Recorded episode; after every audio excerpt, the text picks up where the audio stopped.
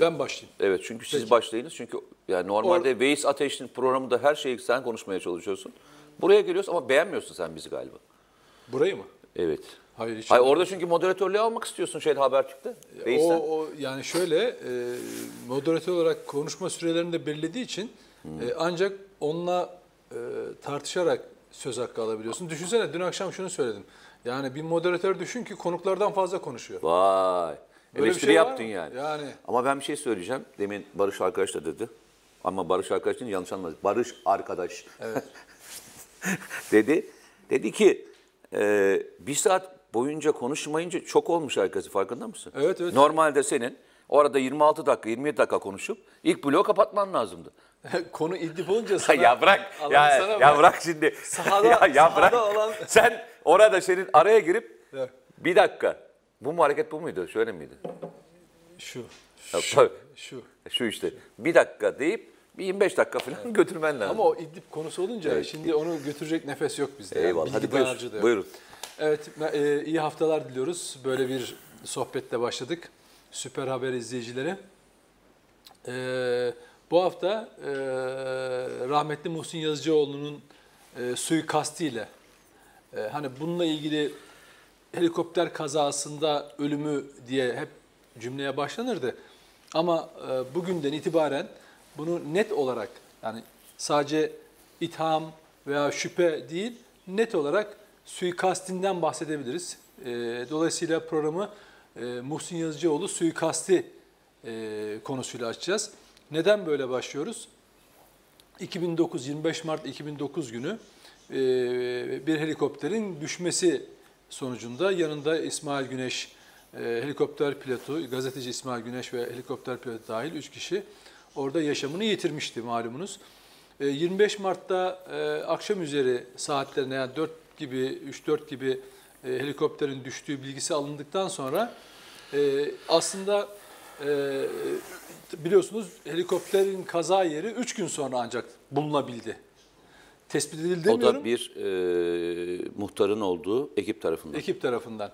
E, oysa bundan önce ortaya çıkan e, görüntüler, deliller, bazı ifadeler e, Muhsin Yazıcıoğlu'nun helikopteri düştükten hemen sonra olay yerine bir ekibin gittiğini helikopterle hatta Muhsin Yazıcıoğlu'nun sağ olduğu o sırada dolayısıyla öldürüldüğü e, veya ölüme bırakıldığı veya çok ağır yaralı olduğu için ölüme bırakıldığı Öte yandan e, saat yani uzun süre e, telefonda konuşabilen gazeteci İsmail Güneş'in de e, olay yerine varıldıktan sonra e, cesetlerin getirilmesi ardından e, İsmail Güneş'in de çenesinin kırık olduğu yani konuşamayacak ölçüde çenesinin kırık olduğu otopsi raporunda çıktı.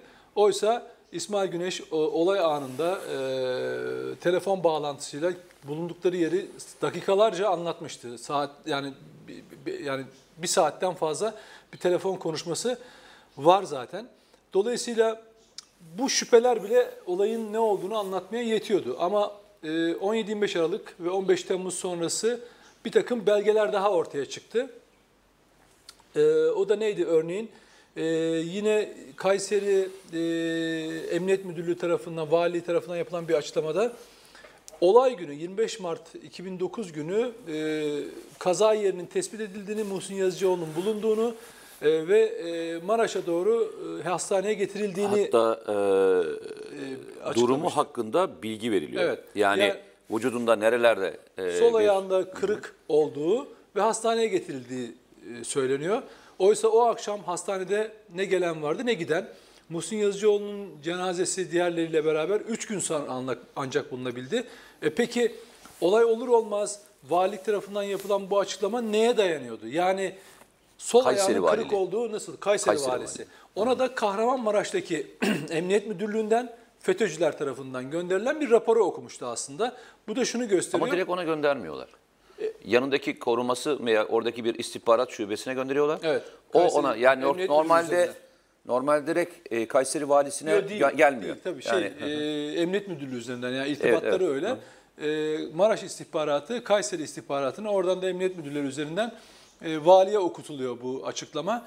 E, ve anlıyoruz ki aslında hakikaten de e, Muhsin Yazıcıoğlu'nun e, cenazesinin otopsisi yapıldığında sol ayağının kırık olduğu söyleniyor. Mesela o e, ilk günkü yazıda ya da valinin açıklamasında kaburgası, sağ ayağı, sol eli ayrıntısı yok. Sadece sol ayağında kırık olduğu söyleniyor ve ni- nitekim sol ayağında da kırık tespit ediliyor. Bu da olay yerine aslında çok önceden tespit edildiğini, anında tespit edildiğini ama e, e, sürecin uzatılarak Muhsin Yazıcıoğlu'nun ölüme terk edildiğini e, e, gösteriyordu bize. Ayrıca bir takım şüpheler vardı ki e, bu helikopter düşmesinin de normal bir şey olmadığı, işte üzerinden geçen o e, Malatya'dan kalkan F-16 uçaklarının yarattığı basınçla helikopterin düşmeye zorlandığı e, gibi yani düşme düşürüldüğü söyleniyordu. İşte bütün bunları derleyen, toplayan, bize bildiklerimizi teyit eden bir ifade ortaya çıktı. Elazığ'da e, avukatlar imamı olan bir kişi bütün o süreçte yaşanılanları savcılığa anlattı. Neden bunu yaptı? Malumunuz bu İtirafçı oldu. itirafçı oldu. E, Muhsin Yazıcıoğlu hakkında bütün bu şüphelerin bulunduğu bir soruşturma açılmıştı. İçinde FETÖ'cü askerlerin de bulunduğu büyük bir soruşturma açılmıştı yüzden fazla kişi için. Fakat o dönemki savcı doğrudan takipçi kararı vermişti ve biz bunu çok tartıştık. Yani nasıl oluyor bir soruşturma yapılmadan, bir dava açılmadan, suçlu suçsuz ayrımı yapılmadan tamamı için sanıkların böyle bir takipçi kararı nasıl verilebiliyor? Bu savcı nasıl bu karara imza atabiliyor diye çok tartışmıştık. O, o kararın da nasıl olduğunu, nasıl çıktığını burada itiraflarda görüyoruz. FETÖ bağlantılarının Muhsin Yazıcıoğlu'nun partisinden savcılıklara, Türk Silahlı Kuvvetleri'nden avukat yapılanması ve mahkeme koridorlarına kadar nasıl bir örümcek ağı olarak sardığını, hani Muhsin Yazıcıoğlu'nun deyimiyle bizim tarla çoktan sürülmüş dediği olayın aslında çok gerçekçi bir tanımlama olduğunu, tarla tamamen sürülmüş, tarla bir mezar haline getirilmiş ve Muhsin Yazıcıoğlu mezara gömülmüş ve bunu yapanlar da hep etrafındaki insanlar olmuş ve FETÖ'cüler olmuş. Bu ifadenin detaylarını biraz anlatacağız. Şimdi biraz Mete'ye söz vereyim. Mete çünkü bu konuda e, belgeseller hazırlamış. Konuyu en iyi ayrıntısına kadar bilen Eyvallah. kişi. Yani e, tabii e, o zaman da çok ilginçtir. Şimdi bu konuyu konuşuyoruz. Cengiz Er genel yayın yönetmenimdi. E, ve e, Cengiz'in de e, müsaadesiyle bir ekiple ben Maraş'a gittim. E, ölümünün ardından e, bu e, ne olduğunu. Çünkü çok şüpheli bir ölümdü. Kafama yatmayan çok şey vardı. Ve 3 bölümlük Sınırsız isminde Muhsin Yazıcıoğlu'nun kazası, o zaman çünkü kaza diye söylüyorduk, e, kazası ile ilgili bir araştırma yaptım. Ben bütün alanı yürüdüm. Yani o bütün olayların olduğu yeri ayağımla basarak birebir gördüm. E, uçuş istikametine gittim. Uçuş istikametindeki yerlere tek tek gittim. İlk sesi duyan insanlarla röportaj yaptım. İlk patlama sesini duyan insanlarla röportaj yaptım. Ee, şeyi rahmetliyi bulan e, muhtarı ve e, o ekiple röportaj yaptım. E, avukatıyla görüştüm. Yani Muhsin Yazıcıoğlu'nun bu davayı takan, e, yapan avukatıyla görüştüm. Aile yakınlarıyla görüştüm. İsmini hatırlayabiliyor musun avukat? Muhsin Yazıcıoğlu'nun avukatıydı. Evet, ismini hatırlayabiliyor musun? Hatırlayamıyorum. Şeyde var ama. E, belgeselin içinde var. Ne oldu hayırdır? Yok yok o ifadede bir, bir avukatın ismi de geçiyordu o yüzden. Ama tabii daha sonra şöyle bir olay oldu. Ya çünkü şöyle, Muhsin Yazıcıoğlu maalesef... e, Ama orada şey değil miydi? O, yani Muhsin Yazıcıoğlu... Muhsin Yazıcı, Yazıcıoğlu'nu ama senin şeyine şu yazıyordu. Muhsin Yazıcıoğlu değil. Askerleri savunanın e, savunanın FETÖ'cü olduğu Orada bir ortaya başka çıkıyor. isim daha var. Öyle mi? Hem partiden hem de avukat. Olabilir. Neyse. Olabilir bakarım ben. Ee, şeyde var. E, ismini hatırlamıyorum. Ama daha sonra şöyle oldu. Ee, bu işi takip edenlerden bir tanesi aile efradıydı. Daha sonra FETÖ'cü olmakta yargılandı. Yani ailenin çok yakının birisi e, de yargılandı. E, Çok ilginçti. E, Anormal belgeler bulduk. E, Ben e, herkesle görüştüm. Bununla ilgili ilgili olan hava kuvvetlerindeki ilgilerle görüştüm. Diğerleriyle görüştüm. Yurt dışından gelen bilirkişi, hiç yayınlanmamış bilirkişi raporları buldum. Bununla ilgili Devlet Denetleme Kurulu'nun o dönemin sanırım e, Cumhurbaşkanı Abdullah, Abdullah Gül'dü. Gül. Abdullah Gül'ü kurulu gönderip onun raporunu buldum. O raporların teker teker inceledim. Her bir satırına baktım. Ve olayın sonunda ben zaten yayının sonunda da şunu söylemiştim. Bu bir şey değildir demiştim. Son değil yani. Yok yok yani bu bir e, kaza değil. Çünkü çok ilginç bir veri ve ben en sonunda verini veriyi söylerken de şunu e, bulmuştum. Normalde bu tür olaylarda özellikle kazalarda bütün herkesten kan tahlili alınıyor. Yani uçak kazalarına prosedürmüş. Aslında normal bütün kazalarda prosedür galiba. Herkesten kan örneği alınıp tahlile gö- gönderilmesi gerekiyor. Çok ilginçtir. Bu olayda kan tahlilleri alınıyor ama tahlile gönderilmiyor. Daha sonra fark ediliyor ve e, işte ailenin avukatı itiraz ediyor. Diyor ki yani kardeşim yani burada kan tahlillerinin sonuçları yok. Ve Adana'daki e, adli tabipte imha edilmek üzereyken kan şeyleri bulunuyor. Hepsinin. Ama o kadar az ki bir defalık şey yapabilirler. Hani Analiz. analiz yapabilirler. Ve analizin sonucunda şöyle bir şey çıkıyor. Zaten beni de çünkü ben bu arada onun birebir aynı helikopterini buldum. O helikopterle uçtum. O helikopterleki pilotlarla görüştüm. Yani bu helikopter nasıl uçabilir? E, Çünkü her türlü soruyor. Senin dedin ya uçağın üzerinden bir şey geçiyor. E, bu olabilir mi? Çünkü radar görüntülerini falan daha sonra bulundu radar görüntüleri. Önce radar görüntüler de yoktu ortada. Ve çok ilginçtir. Uçakta 6 kişi var. Üçü pilot, pilotun yanında, onun arkasında, onun karşısında böyle ikili sıralı 6 kişi oturuyor helikopterde. Helikopterin pilotun olduğu bölümde e, orada Muhsin Yazıcıoğlu da şeyin arkasında oturuyor. Pilotun arkasında, onun karşısında başka bir şey. Bu bloktakilerin tamamında karbondioksit zehirlenmesi var. Bu tarafındakilerin hiçbirinde yok zehirlenme var.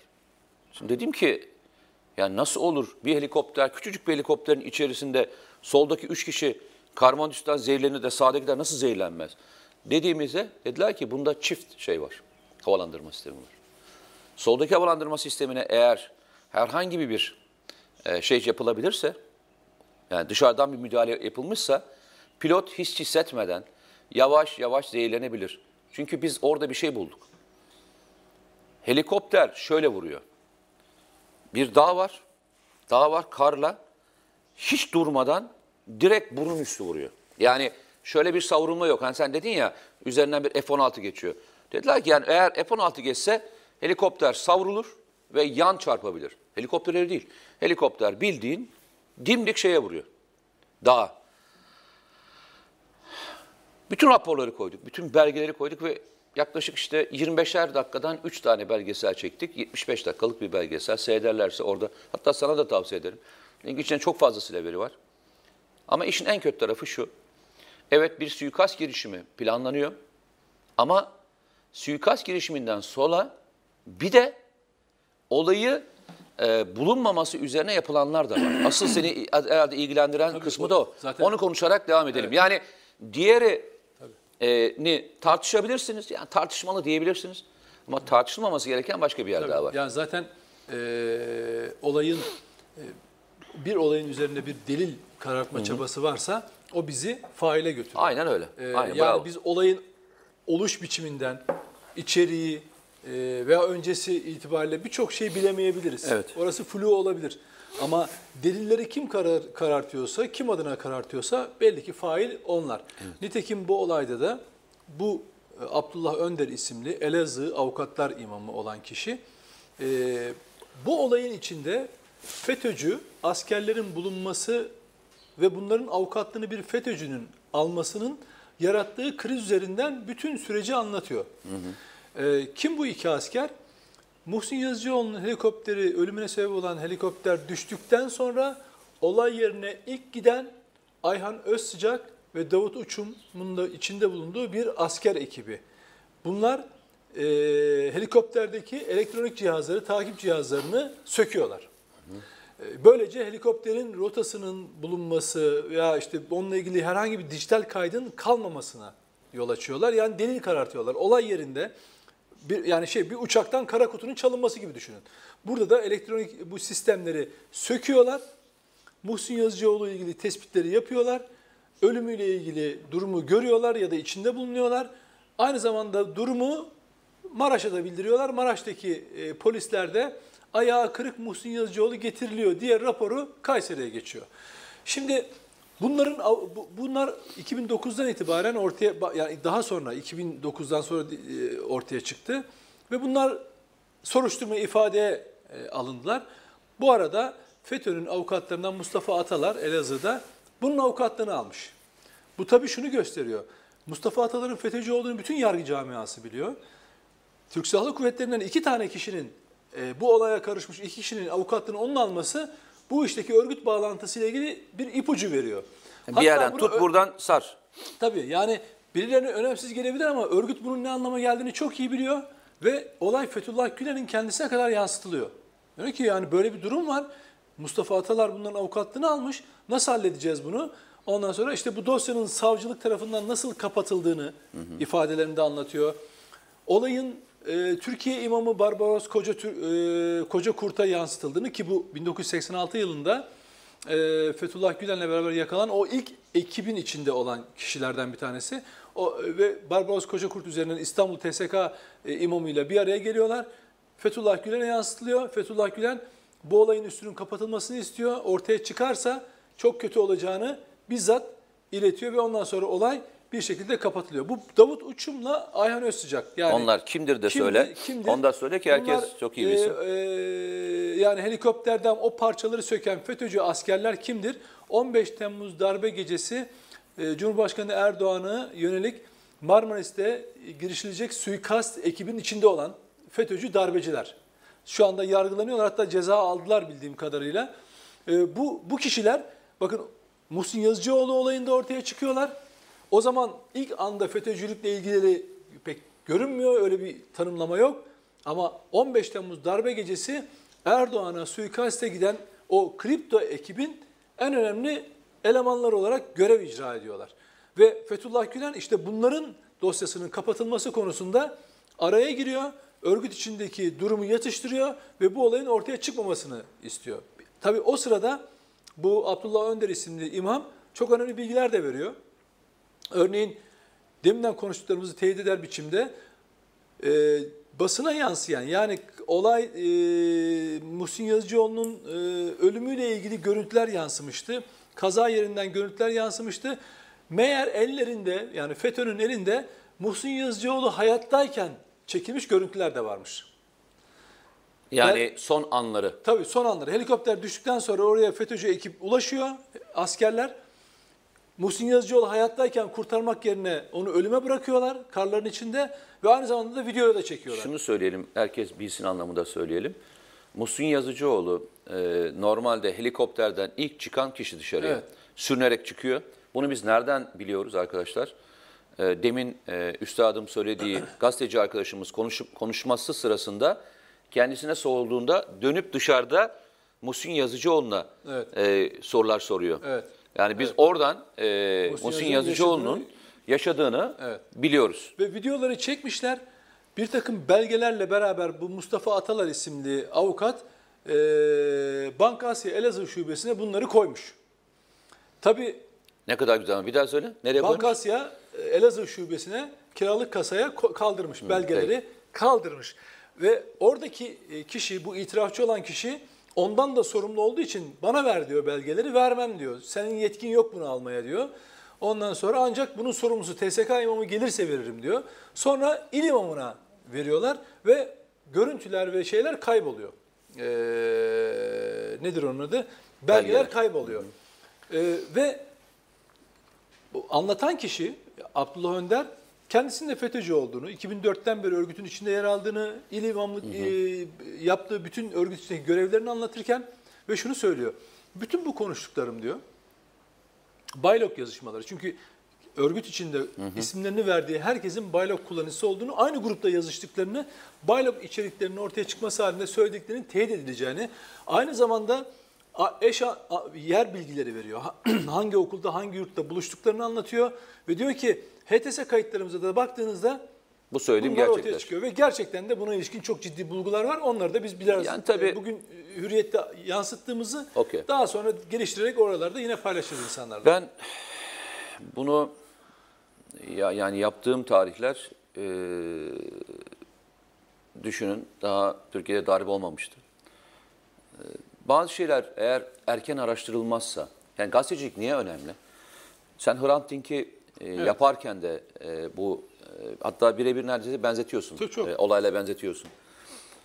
Yaşanan olaylar eğer gazetecilik adına araştırılmazsa Tabii kesinlikle. e, olaylar daha büyüyerek gidiyor. Gazeteci aslında ne kadar önemli bir meslek olduğunu bir kez daha Evet. anlamış oluyoruz. Yani failleri, katilleri, emir verenleri bulursanız başka bir olayı, zincirleme başka bir olayı daha çok rahatlıkla önleyebiliyorsunuz. Ben o yüzden belgesel çekenlere, e, bu tür araştırma, araştırmacı gazetecilik yapanlara çok önemsiyorum. Çünkü tarihe not düşülüyor Şimdi- ve kenara koyuyoruz. Ben bunu çekerken, bu belgeseli çekerken, e, yanlış hatırlamıyorsam 17-25 Aralık olmamıştı daha. Evet. Ay 17-25 Aralık olmamıştı. Ee, ve gittiğimizde bir tablo gördük. Yani bir tablo beni o zaman da rahatsız etmiştik. Hatta konuşurken de söylüyoruz.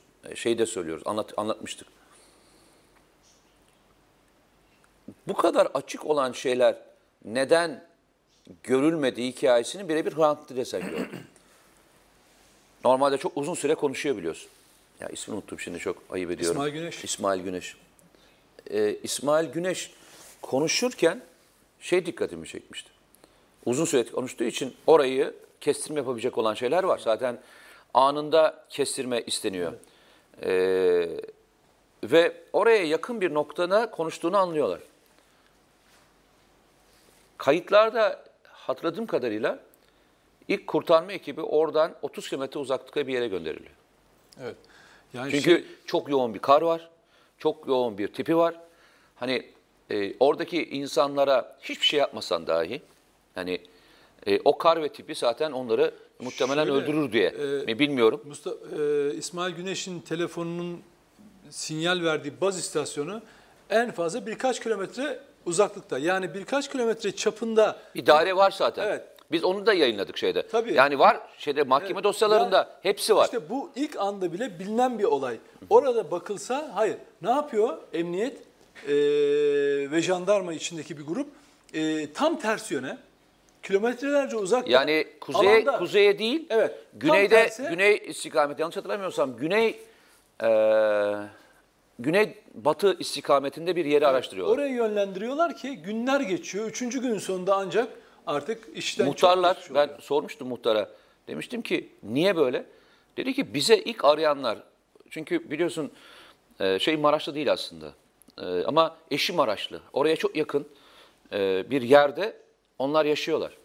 Ve bütün halk çok seviyor şeyi. E, normalde o şartla dışarı çıkılmayacak şartlarda insanlar ceketleriyle, normal ayakkabılarıyla bütün araziyi tarıyorlar. Ben yani o onun aranma sahnesindeki insanlarla konuştuğumda çok duygulanmıştım. Bir insan donacağını bile bile Muhsin Yazıcıoğlu'nu bu kadar mı sever? Bu kadar mı ona e, önemser? E, bir sonrakinde e, yani bu değil ama ileriki dönemde bu muhtemelen çok konuşulacak bir mevzu. E, biraz daha girelim isterim. Tabii, tabii. Biraz daha net bilgilerle konuşalım isterim. Yine çok e, teşekkür ederiz. E, hani e, millet adına teşekkür ederiz. Yine sorgulayıcı bir gazetecilikle e, belki son halkayı bulmuş olabilirsin. Yani Yani itirafçıyla tabii, belki önemli bir yere e, sol olay. halk, e, son halkayı da buldun. E, yani Musi Yazıcıoğlu'nu sevenler, ona saygı duyanlar adına e, bize teşekkür etmek düşer e, senin adına. Ya ben tabii şey mesele şu. E, gazetecilikte önemli olan bir olayı bir gün yazıp unutmak değil. Yok, yani değil. 15 Temmuz sonrası Muhsin Yazıcıoğlu suikasti FETÖ ile ilişkilendirildi ama birçok insan bunu konuştu bıraktı. Evet. Ben benim şöyle bir e, buna hastalık diyebilirsin belki.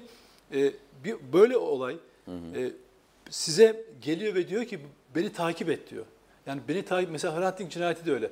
Girdiğin zaman olayın içine oradaki hakikat diyor ki beni takip et lütfen diyor. Beni bul diyor tamam mı? Şimdi Muhsin Yazıcıoğlu'nun nasıl bir anlamda öksüz yetim bırakıldığını, Eyvallah. e, çok düzgün bir insanken Evet. partisi, çevresi, ne bileyim yargısı tarafından olayın üstünün örtüldüğünü ve çok ciğerden bir tarif. Hani Hrant Dink cinayetinde diyor ya bizim tarla çoktan sürülmüş.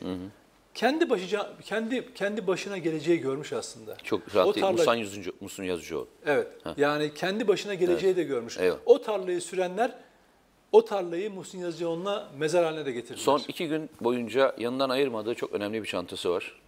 Ve o çantada biliyorsun o e, olayın arkasından uçakta binerken görüntüler de var. Ama e, kurtarmadan sonra o çanta hiç bulunamadı. Evet, maalesef. Çok teşekkür ederiz bizi izlediğiniz için. Buna muhakkak devam edeceğiz. E, merak etmeyin.